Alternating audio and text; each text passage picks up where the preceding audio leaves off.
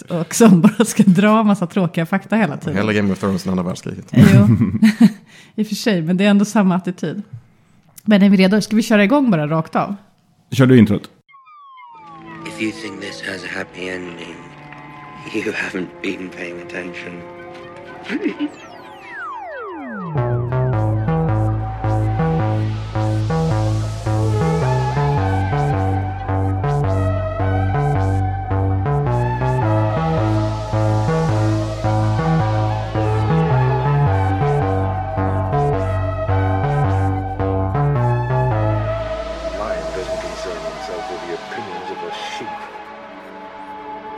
Välkomna till eh, Weirwood-podden som idag ska handla om min favoritkaraktär Sansa Stark. Och eh, jag heter Jenny Lindahl Och jag heter Jens Klinell.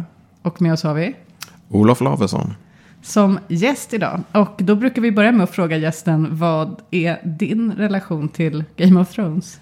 Eh, så- Bra fråga att ställa till någon som egentligen inte gillar fantasy. Eh, jag, gillar, jag gillar Game of Thrones för att för mig är det opera. Jag gillar opera. Det är ungefär som jag också eh, när det gäller sci-fi. Jag älskar Star Wars, men jag skulle aldrig se Star Trek eller Battlestar Galactica. Det här är liksom, allting finns i Game of Thrones. Det är svart, det är ljus, det är komplicerat och allting finns i varje enskild karaktär. Den är, ja, jobbar man politiskt dessutom, eller har gjort, så är det ju facit till mycket man kan hitta i Game of Thrones. Men hur kom du in på det då? Om du, hur vågade du börja kolla fast du inte gillar... Du visste att du inte gillar fantasy och du visste att det här är en fantasy-serie. Ja, men man får är väl lite offer för grupptryck också. Det gick ju inte liksom att missa att när Game of Thrones körde igång att det här måste man ju bara se. Men jag var ju skeptisk fram till kanske säkert 12 minuter in. Ja, det är länge. Det tog Eh, mig ungefär lika lång tid tror jag. Jag hade inte läst böckerna innan. Jag har inte läst någon bok än kan jag säga, så ni får ju ja. fill me in. Ja, det, det, det lär vi göra. Ingen tvekan om den saken. Vi ska ju då prata om Sansa Stark idag. Det finns ju mycket, mycket man kan säga, alltså det finns väldigt många aspekter man kan, man kan ta på det här. Alltså Sansa som politiker, som eh, eh trubadurernas försvarare, som någon slags kulturpolitiker. Det finns ju massor med olika sätt att eh, angripa det här. Men jag tänker den allra första vi bör ta tag i är väl egentligen vad vi har för känslor för Sansa. För att här är ju en människa som väcker, trots att hon inte på något sätt är en ond karaktär, väcker väldigt mycket aggressiva känslor hos tittarna. Har jag ju märkt. Särskilt så, alltså folk tycker att det är obegripligt hur man kan ha henne som favorit. Nej, men jag är väl en av dem. Alltså, jag tycker att hon var intressant hela tiden. Men eh, alltså de första avsnitten, hon var ju ett odrägligt våp. Man, liksom, hur kan man skildra liksom, en person så oerhört tråkigt jämfört med allt annat? Jag, jag, usch, jag tyckte så illa om henne. Men sen har liksom någonstans så har hon har ju genomgått så många förvandlingar. Så att hon har ju verkligen vuxit som karaktär. Blivit mer och mer intressant. Och, och jag tänkte på det när jag liksom såg sista avsnittet nu. Att jäklar, det är henne jag vill veta mer om nu. Vad händer? Vad, vad, vad, liksom, vad blir hennes roll? Jag, jag tycker att, att en, en väldigt intressant sak med Sansa är att hon är den enda utav dem som inte förvandlas till en superhjälte. Egentligen, utav de liksom ledande karaktärerna. Sen alla andra är med om väldigt mycket magiska saker på vägen. Eller får nya förmågor. Eller som, Jaha, du som menar så. krafter. Eller ja, liksom är episka. Hennes syskon är ju, en blir återuppväckt från de döda. En blir the three-eyed raven. En blir en super-assassin. och de andra är döda då, men... Men jag tror inte man fattar det när man liksom ser de första säsongerna. vil- Vilket effekt det har att du har någon som faktiskt bara är människa. Där, som är en politisk varelse på det sättet. För även Tyrion har ju liksom, sticker ju iväg på något sätt och blir liksom en del av ett, ett mycket större och mer episkt koncept. Medan Sansa stannar faktiskt kvar och går igenom en ganska naturlig människoutveckling också. Genom Men det fanns ju en innan henne också. Eh, Det vill säga Kathleen Stark. Ja. Eh, Hennes mor, hon stod ju liksom verkligen för detta också. Liksom någonstans den man kunde relatera till, hålla fast vid. Alltså när, när, när hon dog, liksom, det kändes som att nej, ska jag fortsätta titta kände jag lite grann. Eh, och det finns mycket kopplingar mellan dem också sen hela vägen. Allt liksom från utseende till vilken roll Sansa tar mer och mer. Som Lady of Winterfell till slut. Men alltså, mm. Det känns som att hon Jo, det- fyller upp det tomrummet på något sätt. Det är ju intressant det du säger för att jag tänker att Sansa är ju, alltså i många berättelser finns det ju en slags likare. Alltså någon som, inte nödvändigtvis man gillar, men som, som C3PO i Star Wars eller så. Som liksom står för ens egna reaktioner. Som reagerar likadant på situationer som man själv skulle ha gjort. Nämligen, det här är väl inte vettigt att göra. Varför måste vi gå in i den där grottan och så vidare. Eh, men den rollen har ju lite grann Sansa i bemärkelsen att hon först är liksom tjusad av hela den här vackra historien. Och sen blir allt mer förfärad över händelseutvecklingen i, eh, och chockad och eh, liksom illa utsatt. Lite som man själv blir som tittare av serien. Fast i början ser man ju så här liksom, när det gäller henne att är du helt jäkla dum i huvudet? Det är inte så att man liksom känner sig särskilt på hennes sida i början. Nej, det gör man inte. Man, man har ju samma reaktion till, på berättelsen. Ja, Fram ja. till dess att Ned Starks huvud åker av. Så, så känner man ju att det här är en härlig saga som kommer sluta på ett bra sätt. Alltså den minen som Sansa har när hon står uppe på podiet när Ned blir avrättad. Innan allt brakar åt skogen. När hon är otroligt självgod. Nöjda minen. Eh, Den har man ju på något sätt själv också i den situationen. Man är orolig för hur det ska gå för Ned. Men man är ändå säker på att det ordnar sig och att nu, Nu, nu kommer det gå bra. Så att på så vis så följer hon ju ens egen reaktionsmönster här. Just det. Men jag tycker också att det, det är lite... Det är roligt att du säger det, jag har faktiskt inte tänkt på det innan. Men, men det, det finns ju en scen som ingen annan än hon hade kunnat göra. Och det är ju scenen när hon går in på Arias rum i sista säsongen och hittar hennes ansiktssamling. För hade det varit Daenerys som hade gjort det, då hade det bara där... Ja, ja. Liksom Ännu kastat dem bakom axeln. Men- Men just Sansa, för henne är ju det här helt sjukt. What are these? My faces. Where did you get them? In Bravos. While I was training to be a faceless man. What does that mean? Hon hoppas ju bara på att alla ska vara som vanligt. Liksom. att det ska få bli lite ordning och reda. Och sen så kommer liksom det här psykosystern tillbaks. Men det är, det är ju samma sak liksom när, hon, liksom när hon träffar Bran och han berättar att han är Three-Eyed Raven. Hon är ungefär så här, vad är, va, Ja, vad är det här? Och sen nästa sekund säga, men vänta nu, när du ändå är det, kan du hjälpa mig? Ja. Hon, är ganska snabb liksom, på att använda sig av de där förmågorna. Ja, den, den verkligen. scenen är så otroligt fin när de återförenas, Arya, Bran och Sansa. Och Sansa är lite så här. I saw you at the crossroads. You saw me. I see quite a lot now. Bran has. Sees visions. Försöker liksom hjälpa Ari att förstå. Men det är väl ett ögonblick när jag var väldigt nära att grina i alla fall. När, när, när de har varit i The Godswood alla tre och sen går över gården på Winterfell. Och eh, Arya rullar, Bran i rullstolen och Sansa går där bredvid. Liksom man har de här tre kvarvarande syskonen återförenade.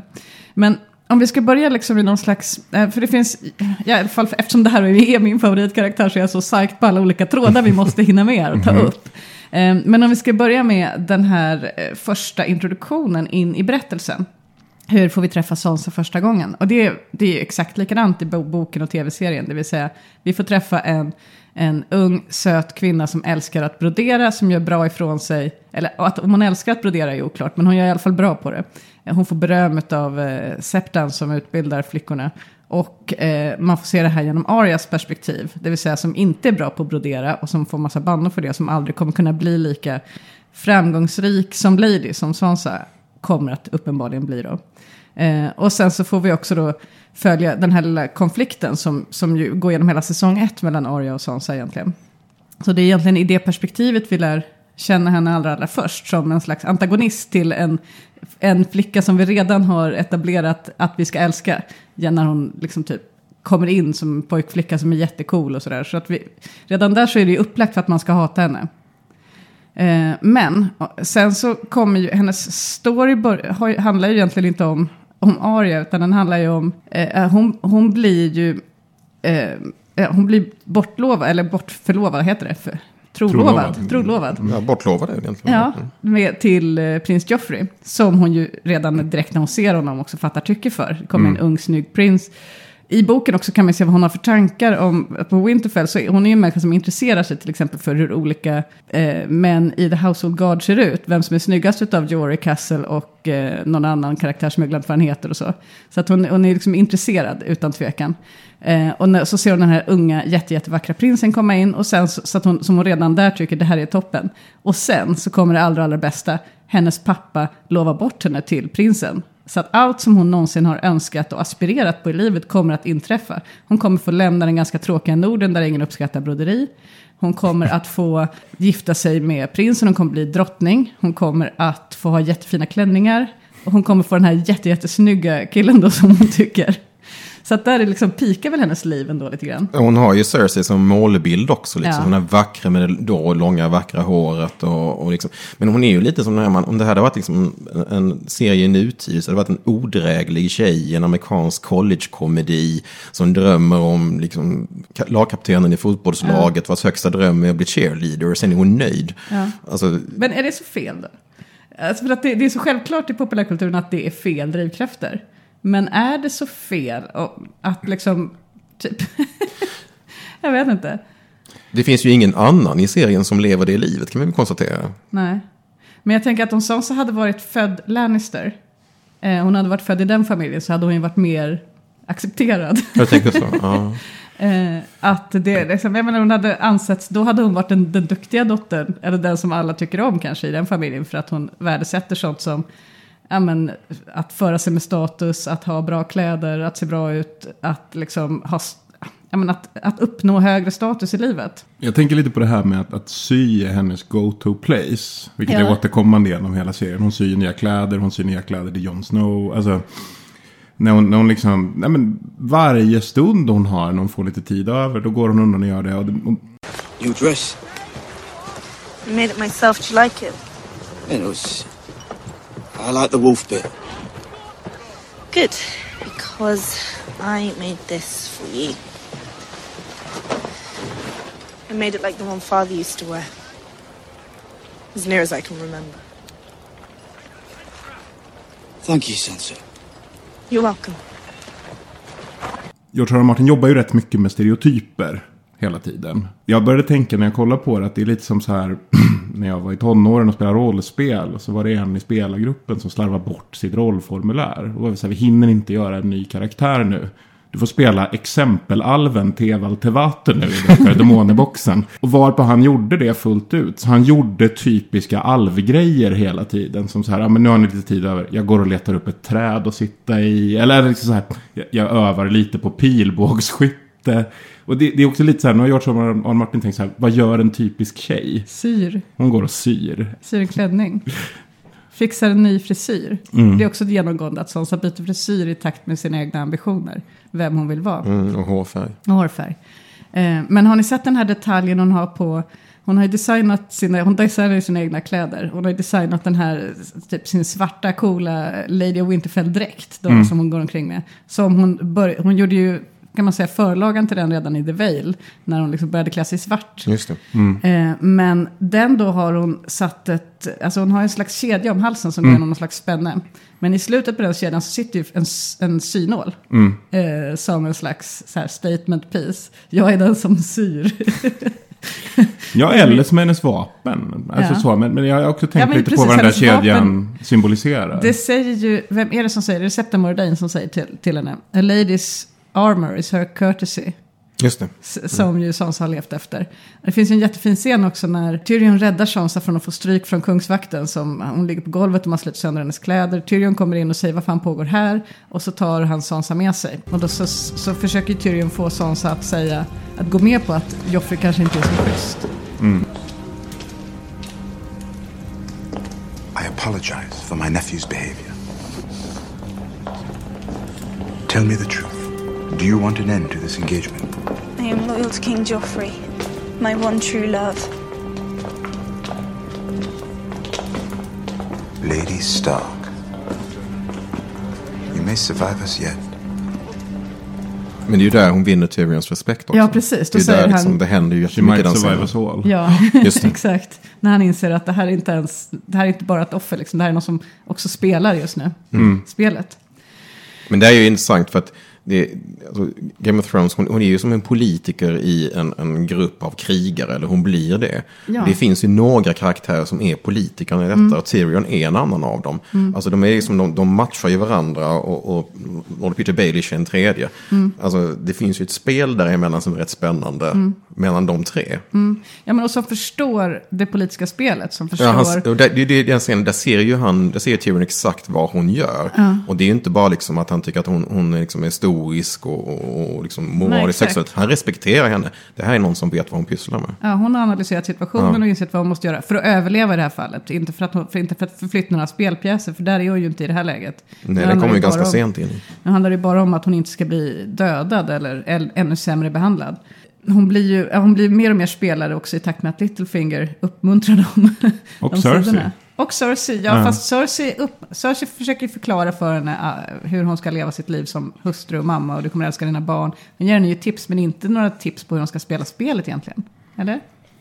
Alltså, det- hon är väl ändå Sansas första läromästare när det kommer till alltså, hur du ska behandla andra människor. Alltså, grymheten kommer Mm. ju på något sätt och det, liksom, cynismerna kommer ju på något sätt från Cersei ändå. Och hur man kan manipulera män som Mm, Just kvinna. det. Ja, det, lär hon sig det lär hon sig. ut. Det säger ju Cersei till och med Mm, att exakt. det, det ska du göra. Detta är en kvinnas främsta vapen. ja, liksom. exakt. Men, men det är lite lustigt för att allt är ju hennes fel. Vadå allt? Men jag kom på det idag. Att det är, allt är Sansas fel? Ja, allt är ju Sansas fel. För det är ju hon som går till Cersei för att hon vill inte åka hem från Kings Landing. Men Men, alltså- men det är inte den enda i den här kedjan av events. För att Littlefinger lurar Ned och han lurar Sansa att göra detta. Men det är det som jag, jag funderade på det inför den här inspelningen.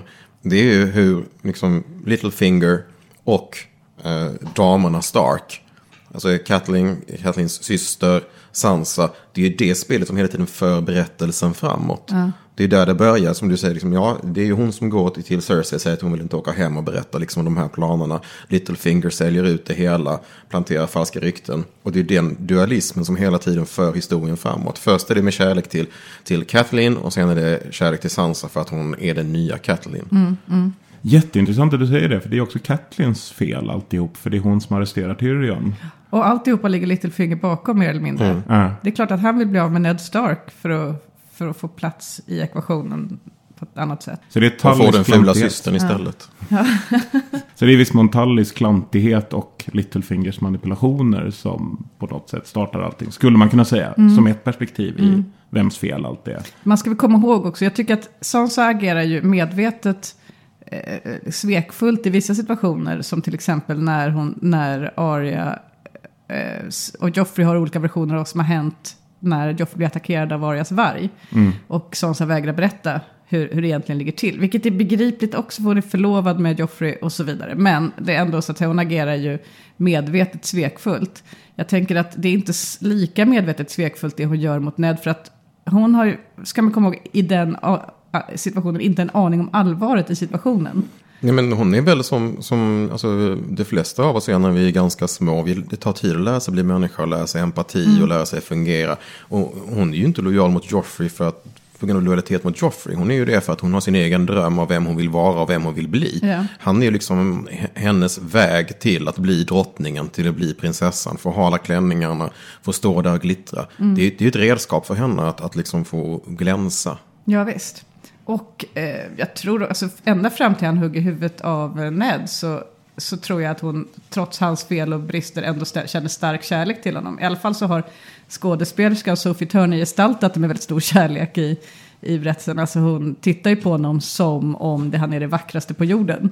Eh, fast alla andra tittar på honom som att han är ett kräk. men- Jag tycker det är konstigt att Joffrey inte är svagare för det. För att alla bara går omkring och hatar honom. Utom Utom, han. Sansa. Men han, han är ändå inte liksom... Samtidigt är det ganska tydligt att alltså, redan den här första gången eh, när han, han, liksom, de tvingar att, att, att de mördar Lady, hennes varg. Det är ju där hon börjar inse att shit, han är inte riktigt som... Det, det inträffar ett tvivel inträffar ganska tidigt hos henne.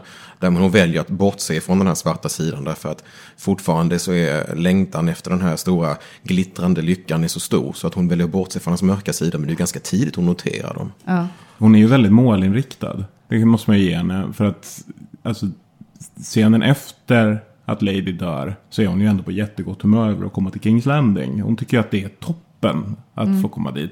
Så att, så att hon släpper ju Lady Men det funderade jag på, är det så i böckerna också? För jag tyckte det var lite jättekonstigt i filmen. Ja, nej, hon, är, hon är jätteglad över att vara där. Ja, hon tycker att det är det, är Det det är bara, bästa way. Hon börjar ha håret som Cersei. Hon, hon har hon, äntligen någon som uppskattar hennes fina klänningar. Ja, men jag kan relatera, jag är också lantis som har flyttat till Stockholm. alltså det... det, det, det Lämnar du kvar hunden också? Nej, jag hade ingen hund. Men, men det är ju inte första gången det händer, utan det är väl även när Ned faktiskt är infångad som Joffrey ger henne det där halsbandet. Ja. Och allting är tippen-toppen igen. För att hennes riktning fortsätter ju hela tiden. Ja, liksom. hon kommer Alltså, fortfarande bli drottning över hela Målbilden är kvar där borta. Hon är väldigt fokuserad på den. Och hon tror ju hela tiden att hon har räddat Ned. Att hon har liksom, det är ju flera gånger hon ber om nåd eh, för Ned. Och, och liksom till slut, hon, när hon står, precis som när vi pratade om tidigare, när hon står där uppe, när hon är så nöjd, för hon vet om att hon har liksom både räddat sin allt. far och hela kungariket. Alltså det är... Ja, visst. Jag tänker om vi backar till, till Winterfell en gång till när kungaentouraget kommer dit. Eh, och den här festen, som för övrigt... Här, Okej, en sak som jag vill prata om är ju när Arya kastar mat på sådana. och Rob och John tycker att det är jätte. Då är det ju liksom ett gäng mobbare på en gång som liksom alla bara skrattar. Och jag, jag liksom, det där tycker jag, även om man redan, alltså man förstår ju här i berättelsen att man ska tycka illa om Sansa. Men redan här så tror jag mina sympatier började vända.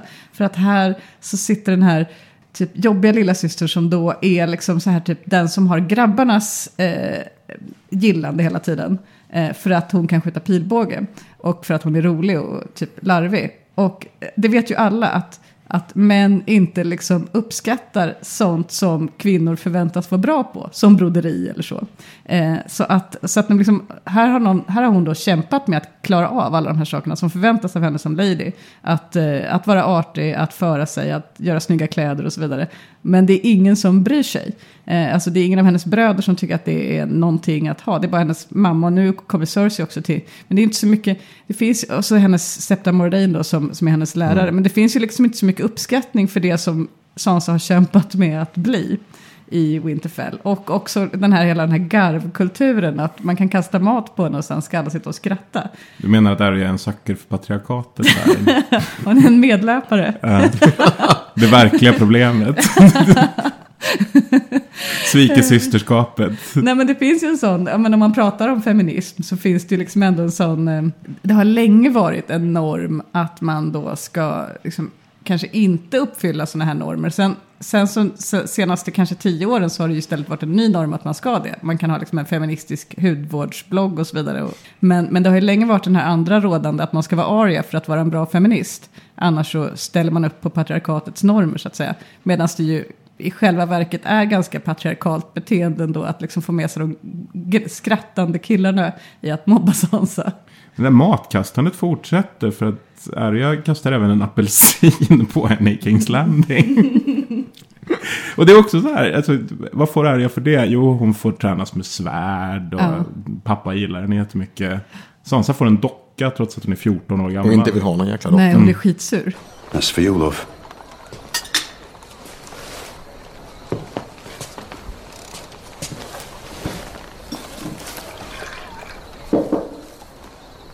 Same doll maker makes all of Princess Marcella's toys. Don't you like it? I haven't played with dolls since I was eight. May I be excused? Oh, you've barely eaten a thing. It's all right. Go on.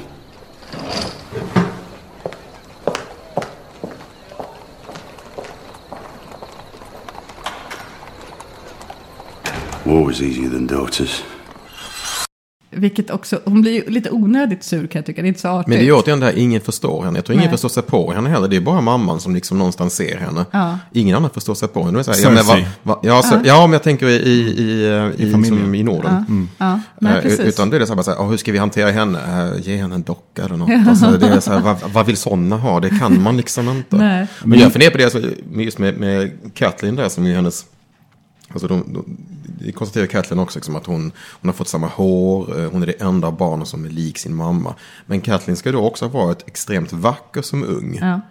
Eh, alltså, hur kom hon liksom till Norden och familjen Stark? Var det liksom bara bortgift Mm. eller eh, vad, vad var hennes utveckling? Ja, hon var Hon var bortgift. trolovad till Neds storebror. Brandon Stark, som dödades av The Mad King. Eh, han, Som också var den lite mer populära brorsan. ja, han var också den lite hunkigare brorsan som var lite bättre på att slåss och, och, och lite vildare i temperamentet. Han, han verkar också ha varit lite av ett rövhål när man tittar på liksom, hur han beskrivs. Kanske Ja. inte ens, alltså lite mer som Robert Baratheon Mm, i, i sitt beteende. Och, och väldigt eldig. Så, att, så att det, det, det var ju det som var liksom det utlösande till hela det krig där Robert Baratheon blev kung var ju att deras syster blir kidnappad av Rhaegar Targaryen och då sticker Brandon iväg omedelbart ner till Kings Landing för att utkräva Rhaegars huvud för det här. Liksom. Brandon och Brandons pappa.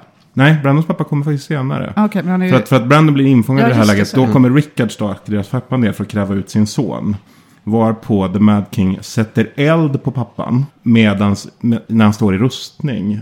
Medan sonen har en strypsnara runt halsen och ett svärd framför sig. Och kan han nå svärdet så kan han komma loss. Men han stryps när han försöker liksom springa mot det här svärdet. En väldigt grymt straff får man säga. Mm. Kan man tycka. Som Eh. också plågat Jamie genom livet. Den här Ja. scenen. Eftersom han var tvungen att stå bredvid och se på. Typ 14 år gammal. Eh, nej men, och, och, och det här är också en intressant del i, i Kathleen och, och Neds relation. För de älskade inte varandra. Det är ett helt, det är ett helt arrangerat äktenskap från början. Det, och, och det märks också, jag, jag har lyssnat på några analyser i det här. I de inledande scenerna mellan dem. Att, att deras sexuella relation är faktiskt bara till för barnalstrande. Att, att de... Det är liksom maskinellt. De gillar varandra. Så, de, de accepterar varandra, de accepterar sitt öde. Men Ned var kär i någon annan och hon skulle egentligen gifta sig med den hunkiga storebrorsan. Och fick den här lite liksom tystare och blyga killen istället. Som i och för sig också är superbra på att slåss och liksom blev väldigt duktig på allt han höll på med. Men, men det var inte det hon skulle få. Hon skulle inte ha mellanbrorsan, hon skulle ha storebrorsan egentligen. Har jag rätt här Jenny? Ja, ja, absolut. Mm. Ja, men jag tänker, ja, men jag, nej men för att det finns en, eh, alltså nu, alltså meningar som etsar sig fast i huvudet. Eh, när, eh, i typ kapitel, första katt-kapitlet i, eh, i, i A Game of Thrones. Så tror jag inleds med att hon ligger på björnfällarna i deras gemensamma sovrum. Och så, säger, så står det någonting om att her loins were aching from Neds eager lovemaking. Mm. Det tyder väl ändå på ett bra sexliv, tänker jag. Eller? Det låter väl bra, eh, tycker jag. Ja, ja. Du menar att, eh, okej, vi behöver För, inte... för hon tänker ju mest på där på Ja. att hon, att de fortfarande kan få barn. Ja, hon Eh, säger att hon, it was a good ache and she hoped that his seed would eh, bla bla, Mm. någonting. För, för det, och, och det är ju inte så konstigt för de lever ju i ett sånt samhälle där barnalstrandet är, en, en, det är liksom ett fundament för Ja, men att det är ju, ätten ska hållas vid och liv. det är ju Sansa stora nervositet också ju. Mm. Att hon inte ska lyckas föda en son. Det är liksom det är den Ja, pressen över inse liksom att vad ska det innebära? Det är helt misslyckat. Ja. Nej, men så, och där skiljer hon sig åt från Cersei. Hon accepterar ju idén om de arrangerade äktenskapen och, och Mm. hela det här systemet. Hon, sin hon, plikt i det. hon är den enda som egentligen underkastar sig systemet på det sättet. Mm. I hela serien. Alltså, Ja, men det kändes ju också som att hon, hon, liksom, hon, hon hade bestämt sig för Joffrey innan hon hade sett honom. Mm. Att han dessutom var snygg, det var ju bara en bonus. Hon Ja. bara, wow, han är ju snygg dessutom. Men hade han inte varit det så hade det funkat ändå. Mm. Sen kanske hon inte riktigt hade räknat med Tyrion, men den kommer ju Nej. senare. Ja, men sen också tänker jag den här drivkraften att hon faktiskt då vill bli drottning. Eh, det, är ju något, så det är någonting som vi erkänner när det gäller Marjorie som en helt legitim drivkraft. En cool drivkraft till och med. Som kan ursäkta att man agerar på alla möjliga märkliga Mm. sätt. Medan det i fallet Sansa anses vara liksom en typ naiv eh, drivkraft. Det är väl en lika liksom, legitim drivkraft för henne tänker jag. Som för vem som helst annars i den här berättelsen. Alla vill ju ha den här jävla järntroden. Varför skulle inte Sansa vilja ha den bara för att hon är lite töntigare liksom än många andra? Men jag läste någon artikel om hatet mot Sansa och var det kommer ifrån. Där, där, där man liksom drog slutsatsen att hennes berättelse är den typiska tjejens berättelse. Alltså med alla de våndor som är att gå igenom puberteten som tonårstjej. Och liksom, alltså med liksom relationen med liksom patriarkatet och, och liksom, alltså. Ja. Och, och, och ännu värre då, den snygga tjejens lidande genom hela den här resan på något sätt. Alltså den som man upplever från ett utifrån perspektiv inte är med om några motgångar. För hon är ju snygg ju. Mm. Eh, och hon har det skitjobbigt. Men det, det är ju de här tre faserna som man kanske kan jämföra med då. Att hon går liksom från att vara den, den unga prinsessdrömmande naiva tjejen som bara liksom ser det vackra som, som mål för sy och annat. Till att bli offret vars enda mål är att överleva någonstans. Liksom, Mm. Hon håller ju fast vid livet. Mm, verkligen. Eh, när kanske de flesta andra skulle ha gett upp. Mm. Eh, till att det tredje stadiet någonstans gå in och bli maktspelaren. Mm. Den som säger att okej, jag inte bara överlevde, nu är det dags för mig att leva också. Mm. Arya säger ju faktiskt det, att, att hon aldrig hade kunnat överleva det som Sansa har gått igenom. Nej, det är nog ömsesidigt i deras fall. Tänker Ja. jag att de hade aldrig överlevt varandras karaktärsutveckling. Alltså Sansa hade ju inte överlevt på gatorna i Kings Landing. Nej. Fångandes duvor för att äta, typ. Utan, eh, och tvärtom. Mm. Eh, men att, att Sansa är så eh, va- vacker då. Det här är ju, om, så I tv-serien är ju de flesta av de här skådespelarna väldigt vackra som spelar, gestaltar alla kvinnoroller och många av mansrollerna också. Men eh, jag tänker hon är ju omnämnd specifikt som väldigt vacker. Hon är också omnämnd i böckerna specifikt som väldigt vacker. Och de, alltså jag tänker att det finns tre personer som verkligen beskrivs utifrån det perspektivet. Att de är så pass vackra att det har en effekt på omgivningen. Och det är Sansa och det är Daenerys och det är Cersei. Mm. Eh, och i Cerseis profetia, så, som hon går och oroar sig över hela sitt liv, så ska det komma en younger, more beautiful eh, och eh, ta allt det hon har kärt. Så att Cersei reflekterar ju ständigt, när hon träffar människor, över är den här personen kanske snyggare än jag? Och det hon tänker direkt när hon ser Sansa är ju, Hello, little dove. But you are a beauty. How old are you? 13, Your Grace. Dans. attans, det här är någon som är snygg. För när hon ser Marjorie till exempel, så tänker hon ju, ja, hon är snygg, men det är väldigt mycket det mest att hon är ung faktiskt. Eh, så att hon känner sig liksom att nej, men hon är i alla fall inte lika snygg som jag. Eh, och Daenerys har hon hade hon ju inte sett tidigare, eller då i alla fall i böckerna. Men Sansa ser hon och det hon, det hon säger direkt i tv-serien är ju så här typ, just att hon är vacker. Så jag tänker att där någonstans, Cersei försöker bevaka sin profetia som från att slå in. Eh, och där måste hon ju omedelbart ha känt den oron. Men då är frågan, är det då Sansa som är den som kommer ta ifrån Cersei allt? Vi har ju annars eh, lanserat tesen att det är Brienne. Eftersom hon kallas The Beauty. Och profetior är knepiga på det viset. Alltså, jag tänkte på det innan vi satte igång med det här. Och, och jag, jag, jag skulle inte säga att jag reviderar avsnitt 1 teori. men jag skulle nog säga att det finns två paralleller nu. För att Tyrion och Sansa är ju faktiskt gifta med varandra. Mm. Eh, och Tyrion är ju den självklara Valon-karen då, den yngre, bro, alltså det yngre syskonet som Om ska strypa profetian är Cersei. väldigt bokstavlig. Ja. Så skulle Tyrion och Sansa som duo kunna ställa till det för Cersei. Ja, och det finns väl någon sorts liksom, teorier om att i säsong 8 så kommer Cersei kidnappa Sansa. Jag vet inte varför Jag folk tror sett det. dem till, jag har inte sett något stöd för den Nej. teorin. Men det kanske är sådana här produktionsspoilers eller något som... Ja. Att man har sett bilder från Kings Landing eller något Jag sånt. För i så fall skulle det ju faktiskt kunna vara så att Tyrion reser till Kings Landing för att frita henne. Eller liksom så. så att det är ju en, en, en, en högst trovärdig variant utav Mm. hur profetian skulle kunna lösa ut Mm. faktiskt. Eh, sämre än den, den första tycker jag dock. Mm. Även om jag älskar Tyrion och Sansa som power couple. Jag tycker att det är toppen. Då skulle ju den profetian kunna slå in på så vis att Sansa tar tronen från Cersei. Ja. Det vore ju fräckt ändå. Ja, och det är ju hennes hela målbild. Ja. Hon vill bli drottning. Visst. Så, um, Och det är en målbild som har förstärkts av allt hennes umgänge med Littlefinger som har också målat upp den här visionen av eh, järntronen som åtråvärd. Samtidigt som du har liksom det nya power couple. När Jon Snow eh, böjer knä för Daenerys. Ja. Och, och liksom ligger med sin egen faster. Och eh, skapar någon typ av nytt power couple i det hela. har du sett trailern? Ja, jag såg den igår. Jag, jag har nämligen tänkt på, på en grej där. Mm. Det här är en helt egen teori. Men, Det men, tror man alltid, men ja. Nej men alltså, jag, jag, jag har inte sett, inte den, sett den jag har inte sett den någon annanstans. Jag, jag kom bara på den själv. Och det är ju för att det, det är ju inte i helt kronologisk ordning saker ligger i trailern. Utan uppenbarligen för att Sansa har, Arya har ett sår i huvudet som hon inte har senare i den. Och, och liksom så här. The bittersweet ending. Som man, man pratar om. Mm. Att det här ska bli för George R. R. Martin sagt. Skulle ju kunna vara den här scenen när de går mot drakarna.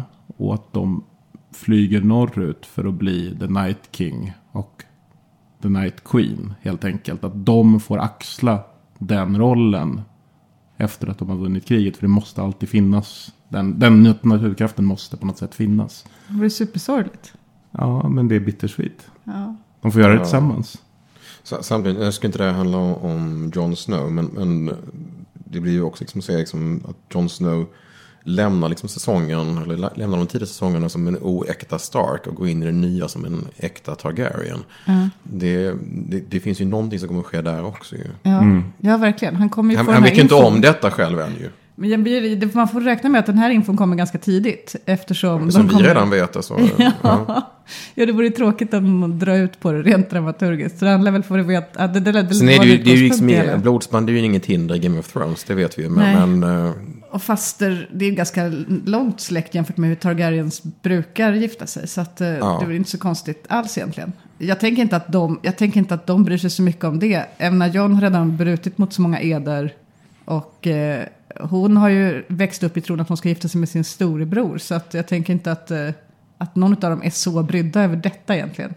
John mer än Daenerys ändå. Va? Lite mer. Men jag menar, ändå, han har ändå brutit sina... Tycker du att han har fel på sina värderingar? Eller? Ja, men Han kanske inte har några. Ja, men han har ju lite för starka värderingar, men det gör ju att han alltid måste bryta mot någon ed han har svurit. Och, Mm. och det har han ju liksom redan gjort med i Grit och Mm. så. Så att jag tänker att här är väl bara ännu en i raden av sådana misstag för hans del. Han är inte så bra på sociala konventioner. Och på, alltså han är inte som Sansa helt enkelt. Han är Nej. inte så bra. Han är ingen duktig politiker. På Han det kan inte sättet. styra upp där. Ehm, men okej, en, en, ett återkommande eh, tema i Sansans liv är att hon får jättemycket stryk av olika karaktärer. Eh, och det här är ju, det här skick, Micke von Knorring skickade in på eh, en filmanalys som är på Twitter här nu inför det här avsnittet. Men just kring, alltså det här är ju en tematik i filmhistorien. Att man, att man har, man, man kan bygga hela filmer, hela historier på att man har en kvinnlig karaktär som helt enkelt får väldigt mycket spö. Eh, alltså hela rape and revenge-genren och så vidare.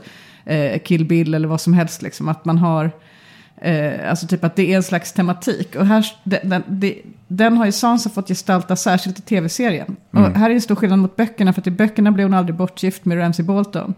Vilket ju är soft för henne då. Alltså istället, den som istället blir bortgift med, Jay, med Ramsay Bolton är Jane Poole. Jane Poole som är dotter till The Steward på, vad heter det, ja, på Winterfell. Som Cersei skickar till, till Winterfell som en fake aria. Hon säger här är Arya Stark, gift dig med Ramsay Bolton. Och Jane Poole måste spela med för hon är rädd att bli dödad. Theon vet ju att det här är fel, han känner ju igen Arya. Han är ju på Winterfell och bara det här är inte Arya, det här är ju Jane Poole.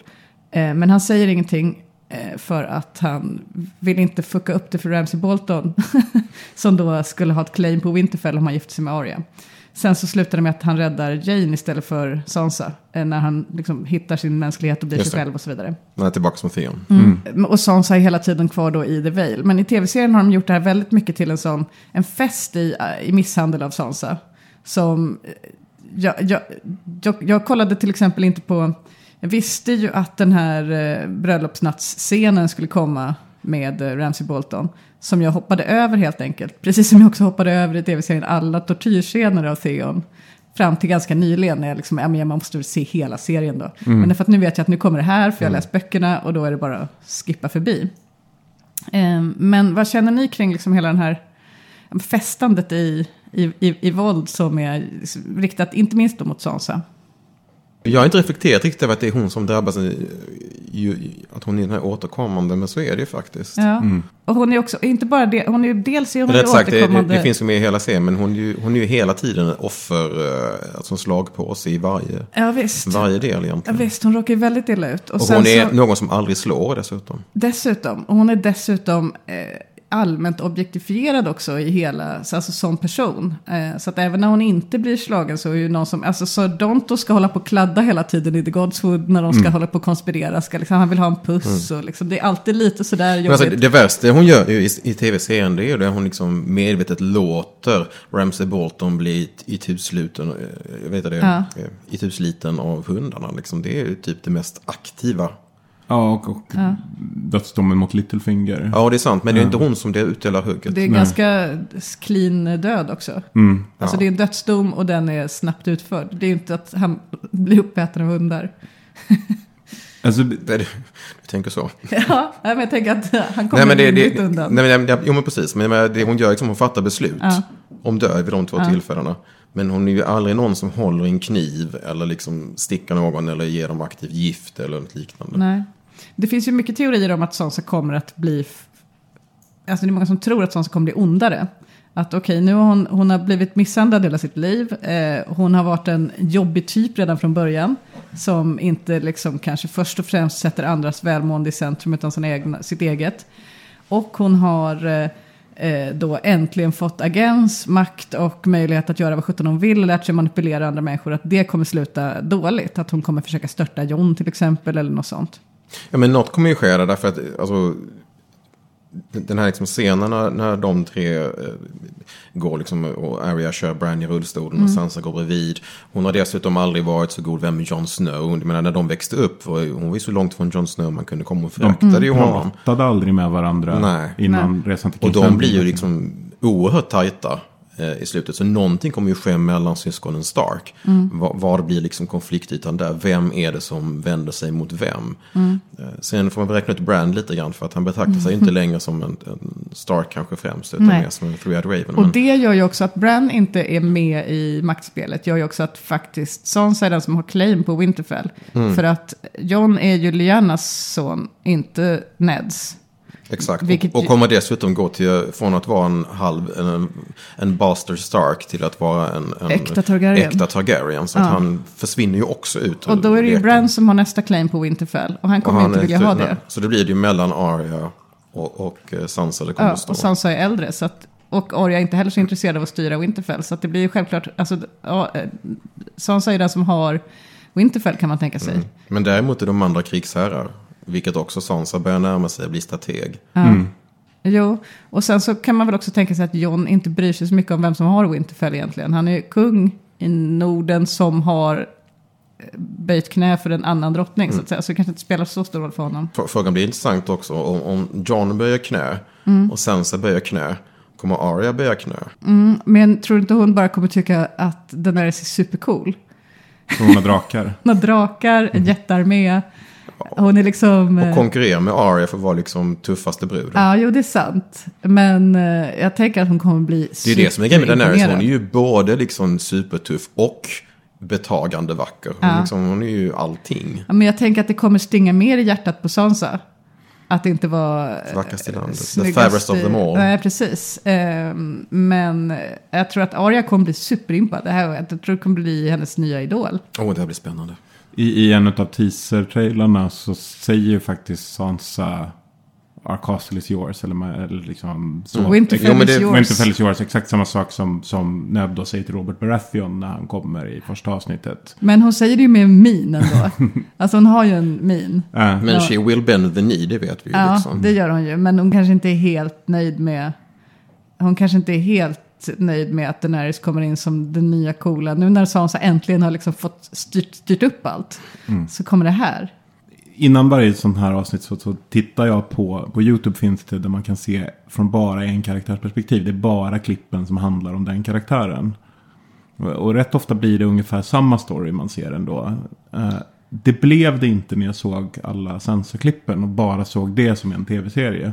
För det jag upptäckte var att det Sansas story beskriver är kvinnornas värld. Nästan hela vägen. För hon pratar nästan bara med kvinnor. Hon får ju stryk av män och liksom råkar ut för liksom straffet från liksom ett ganska rått patriarkat. Men det är inte ett kommunikativt patriarkat. utan Det är just det här, liksom, du får stryk, du straffas. Det är liksom sexuellt våld, det är alltså hela den biten. Men hon är den som liksom glider runt i kvinnornas värld. Hon är den som pratar med Margaret Tyrell och, liksom, och Lennart Tyrell och, och presenterar de karaktärerna, hur deras politiska spel ser ut. Hon är den som pratar med Cersei om Cerseis inre liv, mycket mer än vad de andra gör faktiskt. Men Cersei har en helt annan koppling till liksom, männens värld och vill ju vara i den på ett helt annat sätt. Sansa fick fick jag känslan av när jag tittade på det, har egentligen inget större intresse av männens värld på det sättet. Det är väl Littlefinger som hon... Ja. Och Och det är ju mest han som vill prata med henne i ärlighetens namn. Ja. Oftast. Att han kommer alla fall. och vill liksom så här berätta om vem som är vem. Och liksom ska bli lite förtrolig och är nyfiken. Men en stor skillnad med, i, i Sansas dialog är ju att när Littlefinger kommer in i bilden så, så blir hon inte bara så förklarar inte bara män saker för henne längre, utan han eh, förhör henne ju hela tiden. Vad är min, vad, varför gjorde jag det här tror du? Och så vidare. Varför, eh, vem tror du ligger bakom det här? Och så vidare. Ber henne gissa, för att se om hon kan tänka maktpolitiskt. Och så blir han ju ofta imponerad över svaren då också. Och börjar diskutera med henne. Men så det är först där som någon undrar vad hon tror om saker egentligen. Did you kill Joffrey? Did I kill Joffrey? I've been in the Vale for weeks. I know it was you. And who helped me with this conspiracy? Well, there was Sir Dontus. You used him to get me out of King's Landing, but you would never trust him to kill the king. Why not? Because you're too smart to trust a drunk. Then perhaps it was your husband. No, How do you know? it just do. You're right. He wasn't involved in Joffrey's death. But you were. Do you remember that lovely necklace Dontus gave you? I don't suppose you noticed that a stone was missing after the feast. The poison. I don't understand. The Lannisters gave you wealth, power. Joffrey made you the Lord of Harrenhal. A man with no motive is a man no one suspects. Always keep your foes confused. If they don't know who you are or what you want, they can't know what you plan to do next. I don't believe you.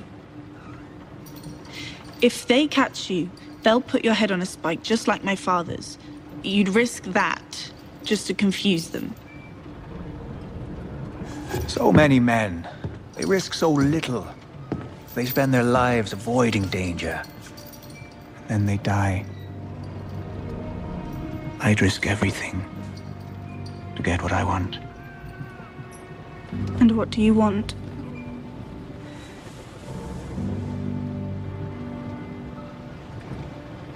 Everything.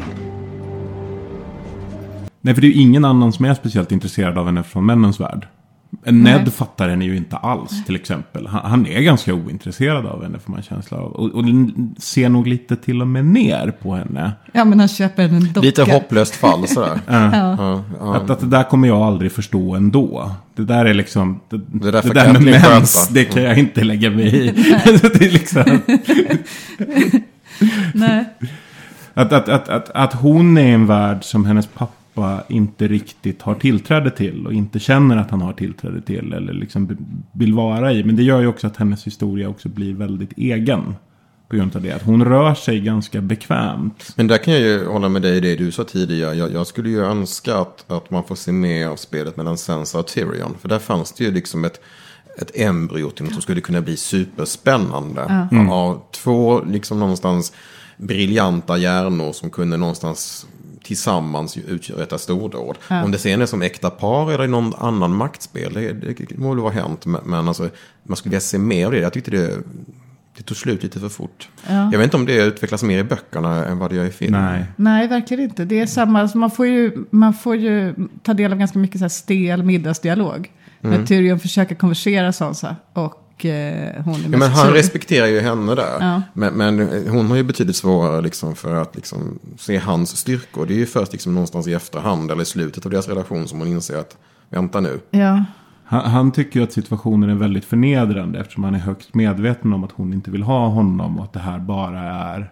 ett arrangerat äktenskap. Ja, men det är som den här eh, äktenskapsscenen när Joffrey som tar bort eh, pallen som, Ja. som han ska kunna sätta, han ska kunna sätta manteln på hennes axlar och han inte når upp längre. Bara den förnedringen är ju...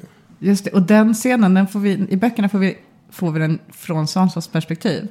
Hon förstår att det här händer. Hon förstår att det kommer innebära ett besvär för Tyrion. Men hon är så förbannad över att bli bortgift med en Lannister som just har dödat hela hennes familj. Så att hon, eh, hon, hon vet, hon tänker i det här ögonblicket, jag borde ställa mig på knä så att han kan sätta eh, den här capen på mig. Eh, men det tänker jag inte göra. jag tänker stå här bara. Får de lösa det här? Det är inte mitt problem. Det är inte mitt problem. Men sen i ögonblicket då när folk börjar skratta ute i Mm. salen åt Tyrion. Då känner hon sånt medlidande med honom att hon faktiskt går ner på knä. Och, Så det är eh, inte Tywin som räddar situationen i böckerna. Nej, det är det är Sansa som först vill eh, jävlas med Tyrion och sen Mm. ändrar sig. Det finns ju en stor skillnad mellan de två också. Och det är ju det att Tyrion ljuger ju i princip aldrig. Och det gör Sansa. Hon är till, blir till och med väldigt bra på att ljuga efter ett tag. Ja, det är nästan det enda hon gör. Ja. Fram till eh, hon har, är tillbaka på Winterfell. Så måste hon ju hålla på med det hela tiden. Mm. Men ja, som sagt, hon är jättebra på det. Den här scenen när, jag älskar den här scenen när eh, Littlefinger står anklagad för att ha mördat Liza Tully, vilket han ju gjorde. Mm. Eh, eller Erin heter det ju då. Men, eh, och eh, Sansa blir inkallad och ska vittna vad som hände. Och hon tar, hon tar hela narrativet i sin hand bara och hittar på en story som, är, som räddar honom. Och, alltså det är ju helt överraskande. Eh, väldigt överraskande. Och någonting liknande är det ju i böckerna också. Men ska jag säga, vet, vet ni vad som... Du, du vet ju vad som händer i böckerna. Men det, det, det finns en helt annan plan för Sansa i böckerna som Littlefinger har. Och det är att hon ska då förföra, alltså hon går ju då under, eh, under täckmanteln att hon är hans oäkta dotter. Mm. Med det, med det statushandikappet så ska hon då försöka förföra arvtagaren till The Vale efter att Robin Arryn eventuellt skulle dö. Eh, Vilket så- de jobbar rätt hårt på där också. Genom Ja, ja, att ja. droga honom Robin bortom. kommer ju, kommer ju gå bort så småningom.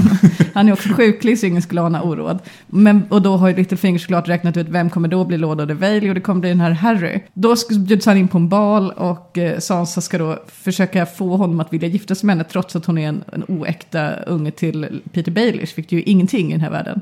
Hon går in helhjärtat för det här och tänker att jag ska fixa det här och så lyckas hon ju också få hans intresse. Eh, men, och hon är så nöjd över att, eh, över att hon faktiskt känner att hon, hon greppar den här situationen. Hon, hon kan det här som Cersei har lärt henne och som Littlefinger har lärt henne. Och hon känner sig, så, liksom, vad, vad ska man säga, hon känner sig mäktig. Mm.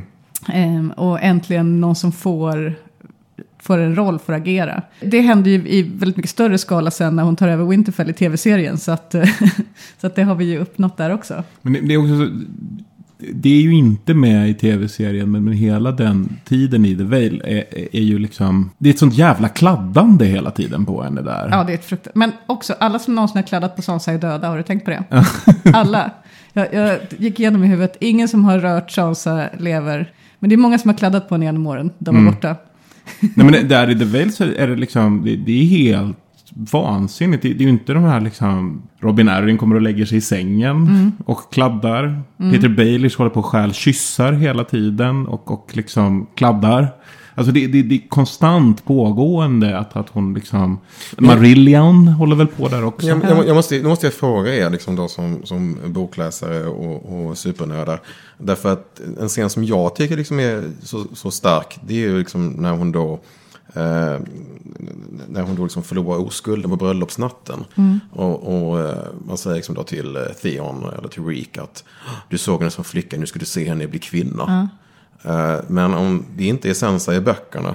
Var är liksom, när blir hon kvinna på det sättet i, i böckerna? Hon är Alltså- inte där än skulle jag säga. Hon, Hon är är fortfarande fortfarande... en maiden. Hon är fortfarande en maiden in the veil. Ja, det är hon. Ehm, men, Så det är en brutalisering kan man säga. men exakt samma scen med Theon eh, Mm. skildras i boken fast då mot Ja, Jane men Poole. Mm. eh, Stewardens dotter. Men som, som, Som ju också... Ar- ja, som, som- ja, exakt. För som Arya Stark, ja, Exakt. då. Komplicerat. Ja, ja, men- exakt, så Theon tvingas titta på och även... eh, jag vet inte jag vet inte om vi ska gå hit, men eh, han tvingas även eh, förbereda oralt åt Ramsey. Jätteobehagligt. Ännu obehagligare. Det är en av scenerna som har Den kanske man kan vara lite glad att den inte är med Ja, verkligen, nästan. verkligen, verkligen, verkligen. Så, om man ska så, typ, fånga upp de här olika spåren jag har skrivit upp som vi ska prata om. Vi, vi har ju pratat om trubadurer och deras öden. Alltså att trubadurer i eh, den här tv-serien och bokserien eh, ofta dör en hemsk död. Eh, ofta för att de kanske har skrivit någonting olämpligt, men eller ibland bara för att de har haft otur och varit på fel plats på fel tillfälle. De blir torterade, deras tungor skärs av. Det är vad som händer med trubadurer. Eh, och det är liksom ingen som sörjer dem direkt. Alla, alla typ tycker ju ändå att de är eh, obehagliga på något vis. Alltså typ ungefär samma inställning som man har till gitarrkillar på fest. Mm. Men eh, Sansa älskar ju trubadurer. Ehm, det är väl egentligen den enda i Westeros som uttrycker någon slags kärlek till det här skrået. Är det inte så? Alltså, Hänger det samman med broderandet och syendet Ja. och de sköna Hon konsterna? är ju en kultur, eh, En kulturtant. Ja, den enda kulturtanten i den här berättelsen nästan. alltså, de- andra tycker väl att det Jag är gillar henne mer och mer känner jag. Ja, men hon är, ju- jag tänker mig att om Sansa fick styra så skulle man ju ha en kulturpolitik i Westeros. Ja, ja, alltså hon räddar ju livet på Sir Dontos när han kommer full till turnerspelet på, på, um, på Joffris, är det 13-årsdag eller 15-årsdag? Det är- Eh, och han kommer full dit, han, han är naken förutom sitt harnesk. Och, och skitpackad och då ska Joffrey dränka honom i vin. Alltså de sätter en tratt mot honom och ska börja hälla vin. Och då lyckas Sansa prata Joffrey ur det här. Genom att göra honom till kulturarbetare. Ja. Han får bli gycklare helt enkelt. gyckla istället. Men då kommer vi också in på en av mina favoritrelationer här i, i Sansas liv, nämligen Sansa och The Hound. Eh, som jag tycker har någonting Ja. fint.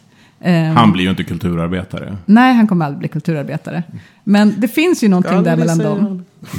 Eh, redan, från, redan från start. Alltså om man tittar på alla Sansa-scener så är det, alltså, det är ju... Så, så, Men han är som ett väldigt... ständigt skyddshelgon som hela tiden visst. kommer. Alltså när Lady försvinner så träder han in istället någonstans. Ja, så är det. Det säger ju, det säger ju King Robert Vargen till... blir hunden. King Robert säger till Ned när eh, han be- beordrar avrättningen av Lady att Can't mean it. Dirty Wolf's no pet. Get her a dog, she'll be happier for it. He doesn't mean Lady, does he? Och så får hon ju en hund då.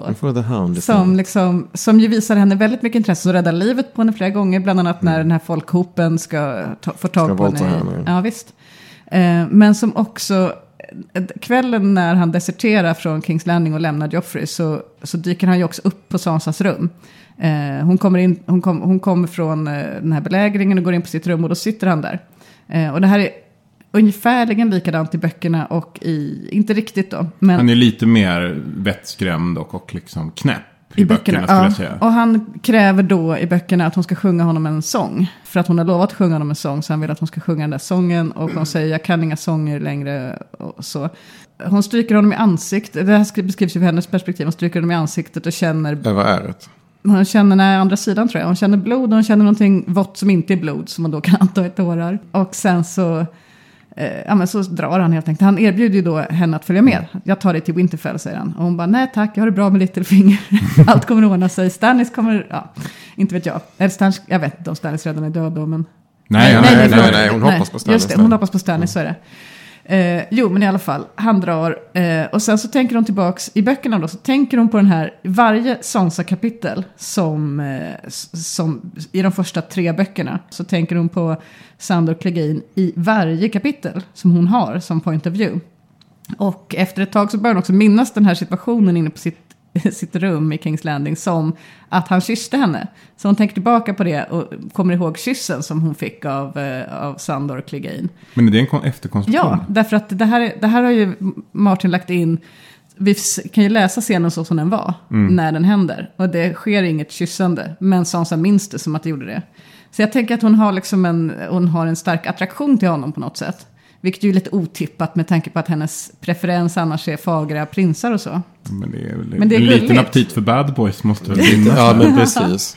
Ja men verkligen, men det är inte så konstigt. Jag menar, han har räddat livet på henne, han är stark, han är, han är, han är också liksom antitesen då till, för han förklarar ju för henne gång på gång att eh, hennes idé om riddare inte är sann. Hon har ju en idé om riddare och, som att de är tappra och har svurit eder och beskyddar de svaga och han säger det stämmer inte. Och så har hon istället sett att det är ju han som gör det. Men är inte han lite som den där sura kaféägaren i Gilmore Girls? Alltså att eh, liksom han bara går runt och är vresig och otrevlig och till Luke. slut så blir han kär. Jo, kanske det.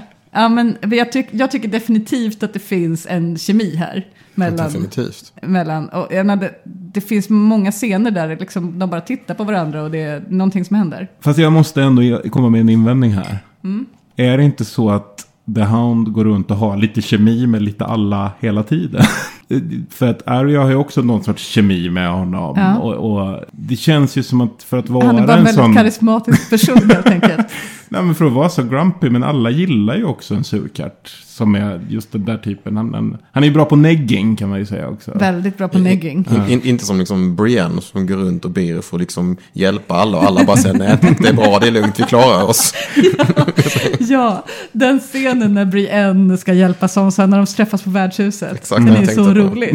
när hon bara, Lady Sansa, my name is Brienne of Tarth. We've met with Renly Baratheon. till att börja med det är så fruktansvärt indiskret av Mm. Brienne. Att bara liksom, när Sansa reser ju inkognito. Ja. Och Brienne bara ställer sig upp i sin fulla längd och bara Lady Sansa.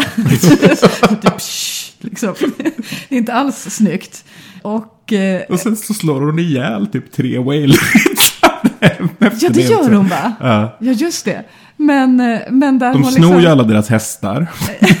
Men hon är ju inte finkänslig rent generellt. Nej, alltså. nej, hon är inte bra på det där. Hon är inte bra på och hon de har med fina sig nyanserna. Podrick som är om möjligt ännu sämre.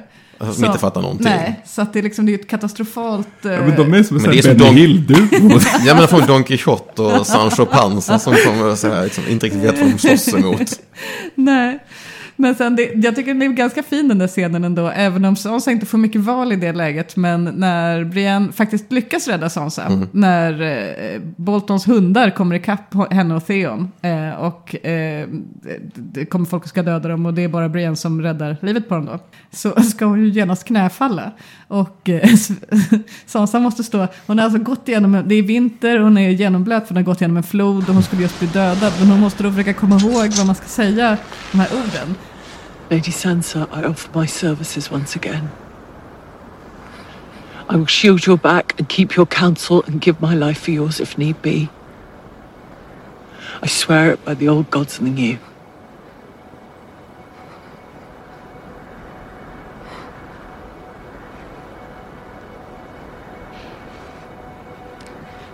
And I vow that you shall always have a place by my hearth. And Meet and meet at my table. meat and mead at my table. And I pledge to ask no service of you that might bring you dishonor.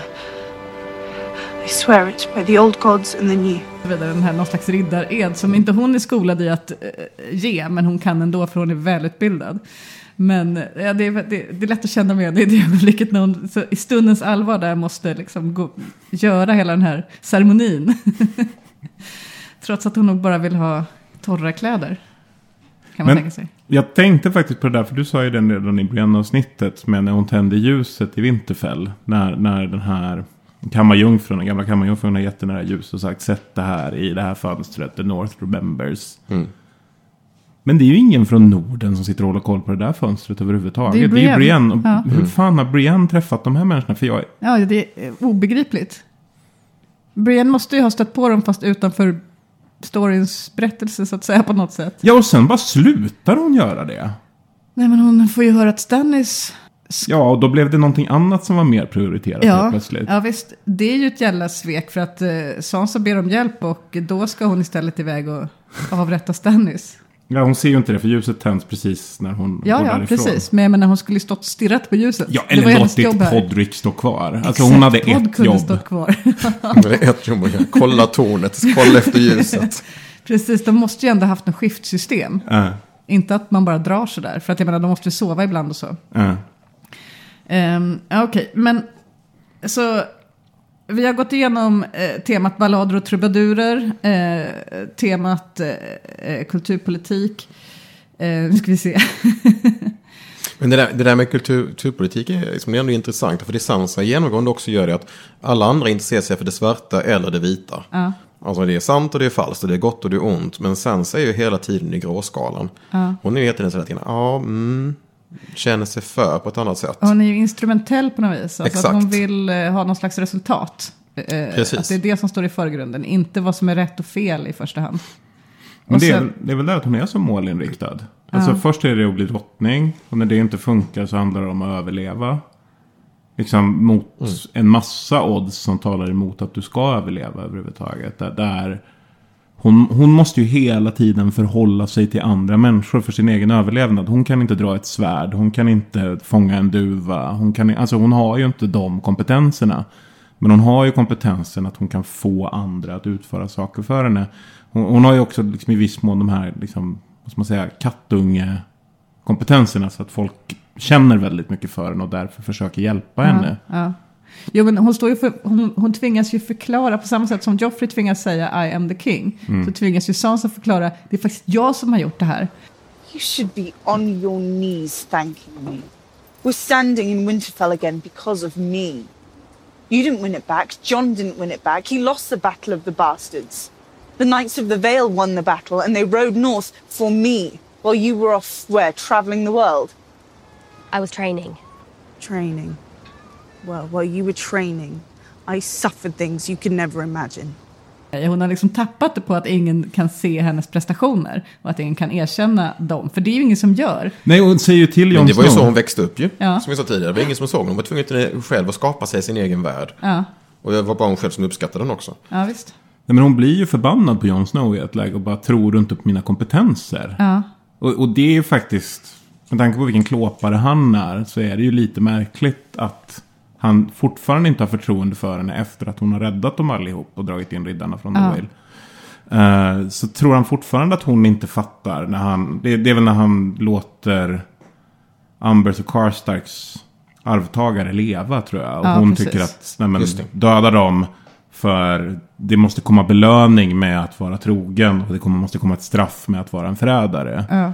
Eller hon tycker väl inte att de ska döda dem, men hon tycker att de ska bort från sina... Men Hon tycker framförallt att de borde ha pratat igenom det innan mötet. Ja. Alltså att de borde ta eh, deras mark. Ja, eh, för att eh, där, det där kan man känna igen sig i som någon som ofta har befunnit sig i politik men kanske liksom som nära medarbetare till någon som har den verkliga makten.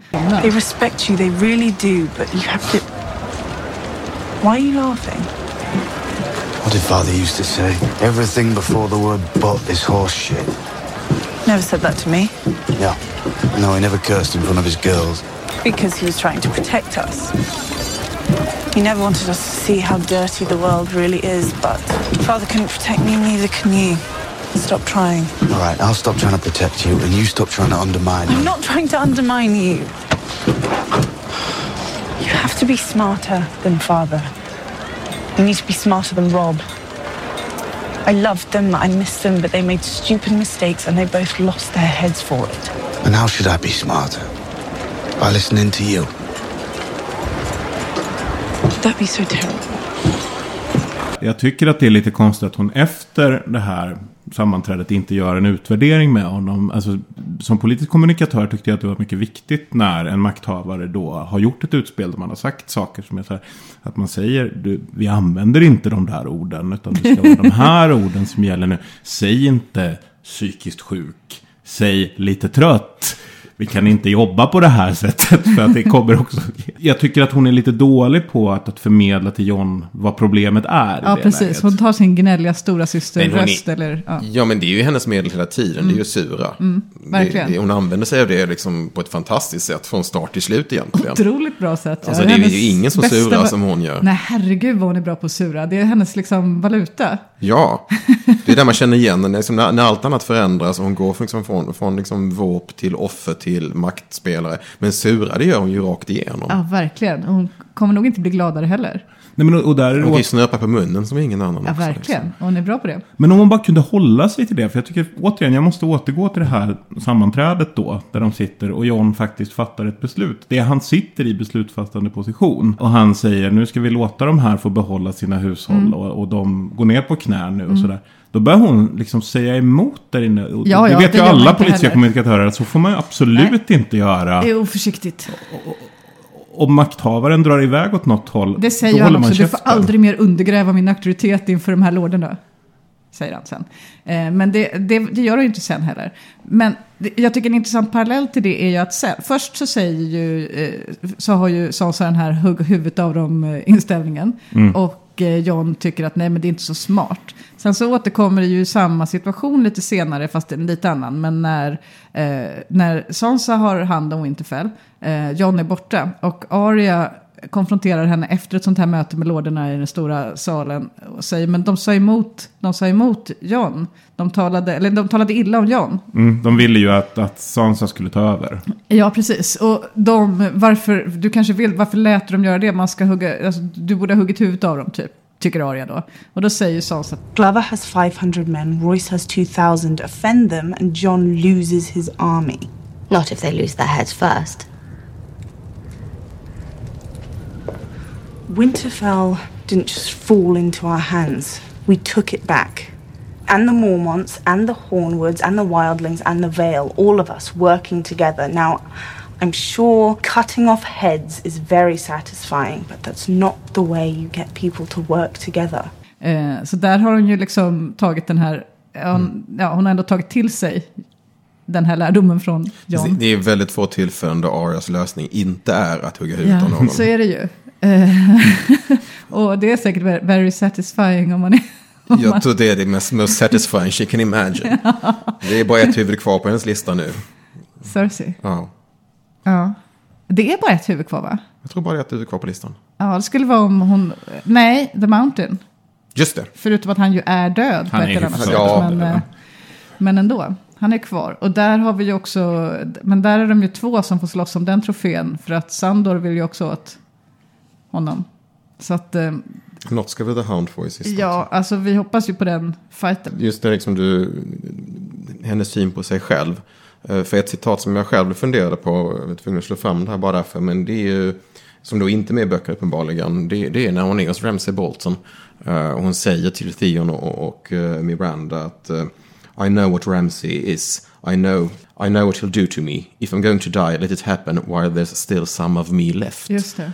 Det tycker jag liksom, där är hon ju så här liksom, när slutar jag själv? Var, var går mina gränser? Ja. Hur mycket ska jag orka med? När kommer jag bli ett av de här uh, känslokalla monstren? Mm. Let there be something of me left. Precis, hon har haft överlevnad som enda fokus väldigt länge. Men nu inser hon att det, finns ett, det kan finnas ett för högt pris att betala Ja. för det. Men det finns ju också det som vi började prata om. Alltså hon är den som är mänsklig Mm. rakt igenom. Mm. Alltså låt mig ha kvar min mänsklighet. När alla de andra utvecklar sina superhjälteförmågor, sina talanger. Så är det som, detta är ju hennes egentligen supertalang. Mm. Som de andra saknar. på Att fortsätta vara människa Ja. även när omständigheterna blir fruktansvärda. Exakt. Ja. Och det är det Ja. som gör att hon sedan överlever. Det är det som gjort att hon har överlevt. Och det är de egenskaperna som gör att hon också blir en maktspelare efter eh, händelserna. i- Jag tror även det är så Winterfell. hon får Theon att vända. Eftersom hans... Hon lyckas ju appellera till någonting i hans grundläggande själ. Ja. Som gör att han vaknar. Ja. Ja. Ja, för han har ju blivit utplånad Mm. utav Ramsay Bolton. Det var ju ingenting kvar utav honom. Men någonting fanns ju där. Det, det är då han börjar agera igen som Theon och slutar vara Reek. Ja. Det är ju i den scenen faktiskt. Och det är ju ingen annan superkraft som, som väcker honom till liv eller återuppväcker honom. Utan det är den här mänskliga, alltså man appellerar till någonting i hans själ. Mm. Mm. Jag tänker att vi ändå måste komma in på det här med The Knights of the Whale. Och varför hon inte säger någonting till John. Ja, det skulle inte jag heller ha Just gjort. Om jag var sån så. var i den situationen. Han vägrar lyssna. Rickon kommer gå åt helvete. Eh, alltså, hon riskerar ju att förlora allt. Hon har ju nästan ännu mer på spel än, eh, än vad Jon Snow har. Därför att hon riskerar att förlora inte bara Winterfell utan sig själv igen. Som Ramsays hustru. Hon vill absolut inte bli tillfångatagen en gång till.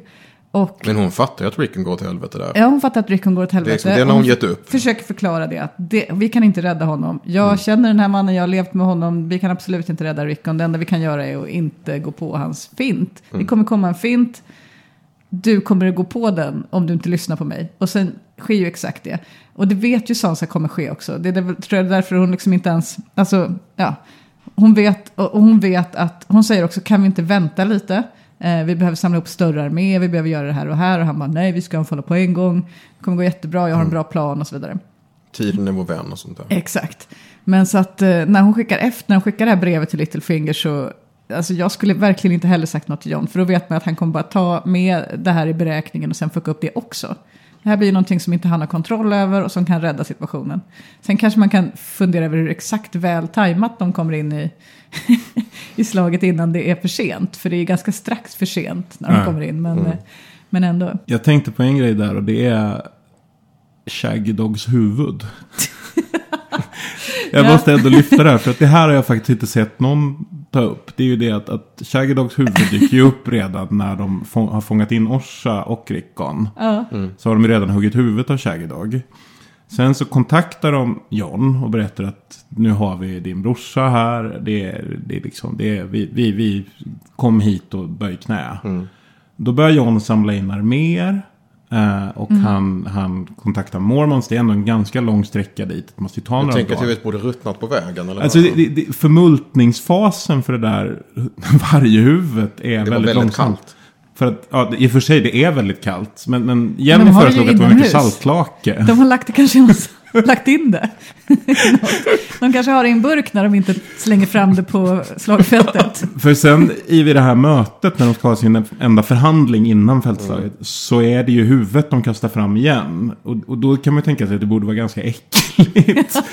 Den som har varit tvungen att ha det i sadelväskan med den stanken. ja, nej, men det, de, de, borde, de borde förklarat varför huvudet fortfarande ser likadant ut som det gjorde innan John samlade ihop den här inte så imponerande arméerna. Det är för att Ramsay Bolton älskar att pickla saker överlag. Men det är väl två saker. Det är hans sidohopp. när, han inte våldtar. Torterar, så jagar. han saker också. Ja, ja, men det kan man väl tänka sig att han gör. Han är ju förtjust i just, alltså att kött inte ska förfaras. Eftersom Ja. när Miranda dör så säger han ju "Ge- det är bra kött, ge det till hundarna. så att man kan väl tänka sig att han har utvecklat ett intresse för det här. Sidointresse, konservator. Känns som att det spårar lite grann. Eh, ja, men det, det är meningen. Alltså, vi kan väl säga med säkerhet att Sansa inte är Azor Ahai. Alltså det, för det är någonting vi besvarar om varje karaktär. Att det är väl knappast så att, nej. Jag kan inte se riktigt något sätt som det skulle kunna stämma. Nej. Nej. Det, det är också just för att, att som, som vi har pratat om. Hon är att- inte ens en att- krigare. Ja, Sägs att hon ska bli det i nästa säsong. Hon har rustning faktiskt på bilderna. En sorts... Men hon har ingen svärd, hon är fortfarande bara sin synål. Nej men det intressanta blir väl eh, två, två saker. Dels hur kommer hon förhålla sig till Arya. Ja. Alltså, och, och liksom hela klanen Stark och, och, och hela den biten och Winterfell. Ja. Och det andra är hur blir, vad blir hennes relation till järntronen. ja, visst. Alltså det är det som, som, som du var inne på. Liksom, vad, blir det, är det hon som ska få profetian uppfyllas? Eller vem är det? Ja. Någonting där kommer ju ske. Så att de kommer ju det blir en till- väldig besvikelse om hon dör i första avsnittet. Alltså, då blir man Ja. ju, det blir typ... Jag tror hon överlever hela säsongen. Jag är tror rätt- jag är hela rätt övertygad serien. om det. Hela hennes karaktär handlar ju om överlevnad. Ja. Ja. Och därför vore det väldigt konstigt om hon dog. Mm. Faktiskt. Återigen det här som vi har pratat om. George. R. Martin är en ganska rak berättare. Mm. Och rätt mycket av, av det vi har sett i första säsongen är det det har blivit. Ja. Av nästan alla. Alltså, alla de här hintarna man pratar om. Att så här, de som Robert Baratheon tar i av Starks barn. Alla de har dött till exempel. Det finns också några som pratar om namnen på vargarna. Och att de symboliserar liksom, vad som händer. Ghost heter Jon Snows. Lady. Han dog ett tag. Lady heter Sa- Sansas varg. Uh, Arjas varg är döpt efter en krigardrottning. Det är ju Brands varg som inte makes no sense Summer. överhuvudtaget. Ja. Jo, för att det kanske är han som kommer att stoppa The Long Winter. Ja, just det. Och sen så har vi då Shaggy Dog som jag, jag fattar. den vill jag gärna höra. Att Shaggy Ja, Dog liksom. tydligen är någon sorts referens till konceptet återvändsgränd. Uh, alltså att, att det, det, är liksom, det, det är inte någon som det kommer bli något av. Nej, Liksom. nej det Eh, blev det inte. det han fick inte inte. ens en talad replik. När han kom tillbaka som tonåring. En liten replik kunde de gett honom. Han kunde ha fått sagt ett ord. Så vi åtminstone fick höra hans röst. Men nej, inget. Jag tror ju, om man tittar på vilka karaktärer som möjligtvis skulle kunna ha överraskningar att bjuda på i form av politiskt maktspel fortfarande. Så är det väl Sansa och Cersei som skulle kunna ha några S som ingen kan förvänta sig. För att, att jag menar, väldigt många är fokuserade på det här kriget mot eh, The White Walkers. Och att det är det enda de bryr sig om. Och de kommer fortsätta bara bry sig om att samla arméer och hålla på med det. Medan eh, Cersei ju håller på med något helt annat. Det kan vi ju se i trailern. Nej, men det säger hon ju redan liksom i sista avsnittet. Liksom att sköt ni det i nåden, ni kommer dö först. Så ägnar jag mig åt mitt här borta. Ja, och där kommer vi ha någon form av showdown. Om, om vi kan, jag menar, nu går, kan vi inte veta vad som händer i säsong åtta, men vi kan anta att en sak som kan hända till exempel är ju att de förlorar Winterfell och att alla måste ge sig söderut och att det sker någon form av konfrontation där. Där skulle man gärna, gärna se en, någon slags makt... Nu tror inte jag så mycket på det för att så som tv-serien är skriven de sista säsongerna så är det allt mindre utav maktpolitiskt spel, allt mindre utav möten i The Small Council och allt mer utav drakeld och fältslag. Så att det blir säkert drakeld och fältslag nu också. Men jag skulle ändå gärna se någon form av maktspel spelas ut. Någon schackpjäs här mellan Cersei och Sansa hade inte varit dumt. Med Tyrion och Sansa Tyrion, på ena sidan. Ja, precis. Jag tänker att Cersei är väl egentligen inte huvudfiende till vare sig Bran eller Jon. På något sätt. Utan det är ju Sansa Och som har, och Arya som har den konflikten. Mm. Och att, att, vad, vad, vad vi kanske kan få se om man ska bara så här spekulera är kanske en delning utav Mm, hela historien där. Där, där de som är i konflikt med Cersei kommer att få hantera den konflikten helt enkelt. Alltså det politiska spelet. Som jag inte tror blir politik då, utan kanske snarare en fråga om lönnmord. Och norrut så kanske det är snarare Daenerys och Jon som kommer få röra sig. För de är liksom delaktiga i den här stora huvudprofetian. Och det, det är ju inte Sansa. Det tror jag vi kan liksom konstatera. Att, att den, där, de där, den där profeten har nog inte tänkt så mycket på Sansa Stark. Nej. När det där skrevs. Se, för vi ser också hur länge Greyjoys tänker sitta och isolera sig på Järnöarna. De, Ja. alltså, de kan sitta där liksom och vänta eftersom inte The White Walkers kommer dit. Men det, det kommer inte heller liksom hålla. De kommer göra någon form av... Ja, men de har ju hämtat, det såg vi också i trailern, de har ju hämtat en flotta. Eh, på andra sidan the Narrow Sea. Som The Golden Company. Så att de, har ju, de kommer ju med en armé till Cersei. Eh, Antar jag, det vet vi inte vart den ska. Men det är, det vad Cersei hoppas på i alla fall. Men eh, jag tror ju också att eh, det, som jag sa i Arya-avsnittet, som var, jag tror att det var då jag sa det i alla fall, men som att vara ett möjligt öde för Arya kan ju vara att det är hon som ska döda The Night King. För att eftersom de ju säger, de hintar ju om att det behövs bara en eh, som ska dö av alla de här zombie-armé White Walkers-gänget. Dödar vi den som har skapat de andra så kommer alla falla. Mm. Eh, och det är ju ett utmärkt uppdrag för en super-assassin, tänker man ju då. Sen såg vi ändå i trailern nu hur Arya sitter med en obsidian-dolk. Mm. Och säger typ eh, psykoaktigt i stil med I know death, it has many faces. I am looking forward to, see, seeing this one. Eller något sånt där. Jag tänkte på bilden på Sansa när hon sitter på järntronen. Mm. Att hon bär en rustning på de bilderna som är mer snarlik Brynden Blackfish rustning. Alltså att det är fiskfjäll. Fast Mhm. det, alltså, den sitter ju, alltså det ser ju ut som ett, ett vanligt klädesplagg. Med den här kedjan som tidigare. Och en symbol på bältet som är lite snarlik en fisk. Och att frågan är om det är det hon på något sätt kommer börja bejaka mer. Alltså sitt arv från Riverrun och att vara en Tully på något sätt. Eh, det, här, det här är ju verkligen, nu är jag helt ute och spekulerar. Men, men hon är ju, det liksom kommer ju om och om igen i den här berättelsen. Utom i sista säsongen då hon hela tiden upprepar att hon är en Stark. Men, men, men att hon är mer som sin mor. Att hon påminner mer om, om ett. Att hon är liksom en typisk politisk spelare. Att hon, hon är en del av the mainland, inte en del av Norden på det sättet.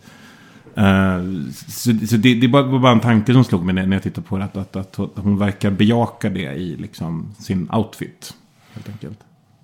Jag skulle inte kalla det en rustning, det, men det fiskfjällsaktiga är det ju definitivt. Nu har jag suttit och plockat fram här på, på min telefon. Men och så är det, nå- det är ju en ganska konst... Vad är det för symbol menade du på bältet? Ja, Det är bara det, början på en sån klassisk Jesusfisk. Tänkte jag. Jesusfisk, vad sjutton? Men har du inte sett den kristna Nej, eller jag vet fisken? inte. Nej, men det måste du göra. Men det, här, det här ser ut som en vinge eller en... Ah, eh, dessa jävla vänsterpartister. Vad kan jag inte nu då? Jesusfisken. Jag är faktiskt med i Ansgars-scouterna. Där borde vi ha lärt oss det. Det var det enda vi lärde oss olika saker om Jesus. Vi fick inte lära oss en enda knop vad jag minns. bara Jesusfisken? bibelberättelser. Ja, vi, vi skulle liksom plugga bibelberättelser. Men okej, ehm, vad? Alltså, vad är... Nej, alltså, jag bara tänkte att, att det kan vara ett tecken på att hon rör sig söderut helt enkelt. Jag skulle säga att det är ett, ett, ett löv eller en vinge eller en eldsflamma. Ja, men det blir, det blir ju spännande. Vem blir liksom kvar? Därför liksom Snow blir en Targaryen. Mm. Eh, hon utvecklar den sidan. Arya slåss för Winterfell när alla andra drar. Ja. Ja, men jag tänker bara det att, att Jon och Daenerys är så insyltade i den här profetian att det är egentligen det, hela deras funktion i slutändan är ju kriget mot natten. Eh, men det finns ju en massa karaktärer som aldrig egentligen haft någon drivkraft mot den berättelsen överhuvudtaget. Och Sansa är ju definitivt en av dem. Hon har ju aldrig rört sig i den riktningen i historien överhuvudtaget. Det skulle ju hända nu i sista säsongen. Det är ju liksom... Ja. Och, och då känns det ju inte otroligt att hon snarare gör en usväng tillbaks till det som faktiskt är hennes grundhistoria. Alltså drivet efter att bli drottning, att bo i Kings Landing och utmana Cersei. Och lyssna på sånger.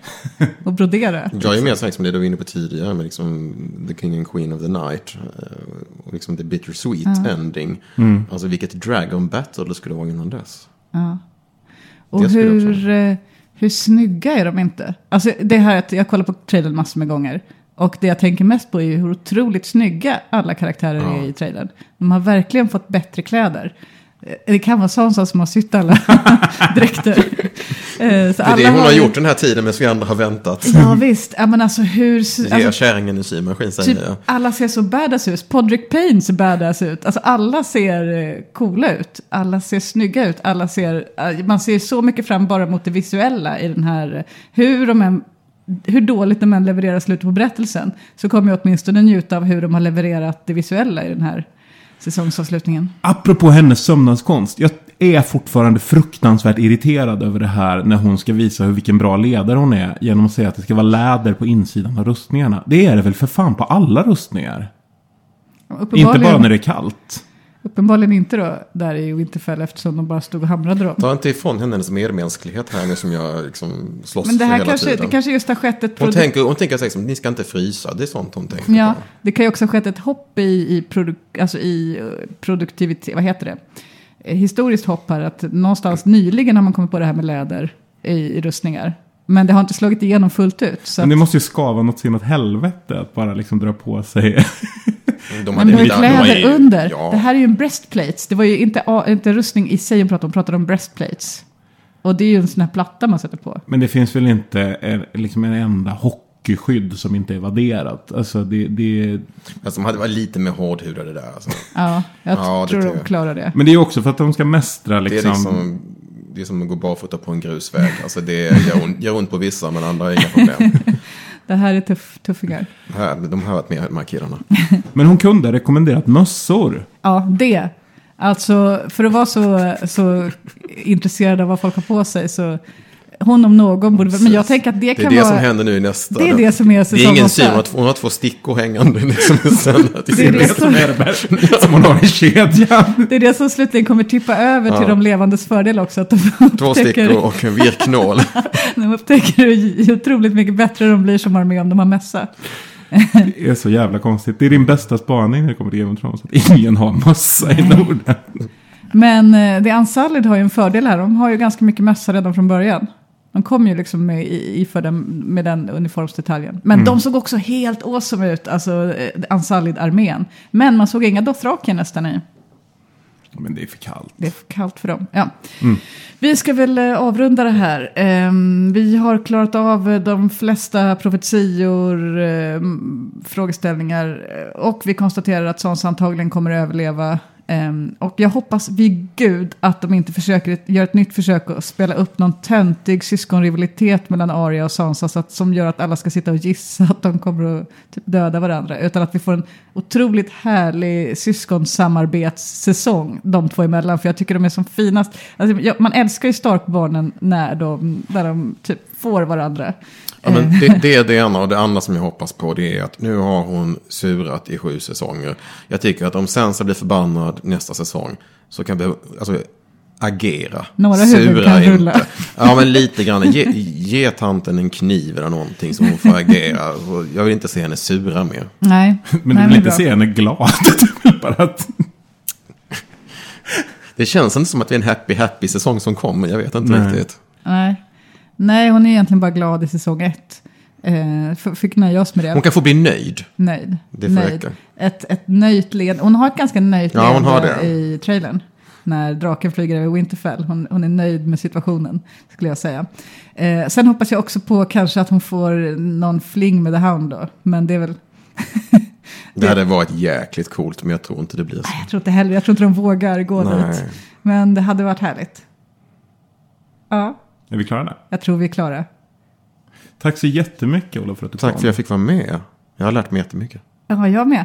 Eh, jag tänker också att vi ska... Vi vi brukar ju säga så här, hur kan man kontakta oss och sådär. Men jag tänker en annan fråga.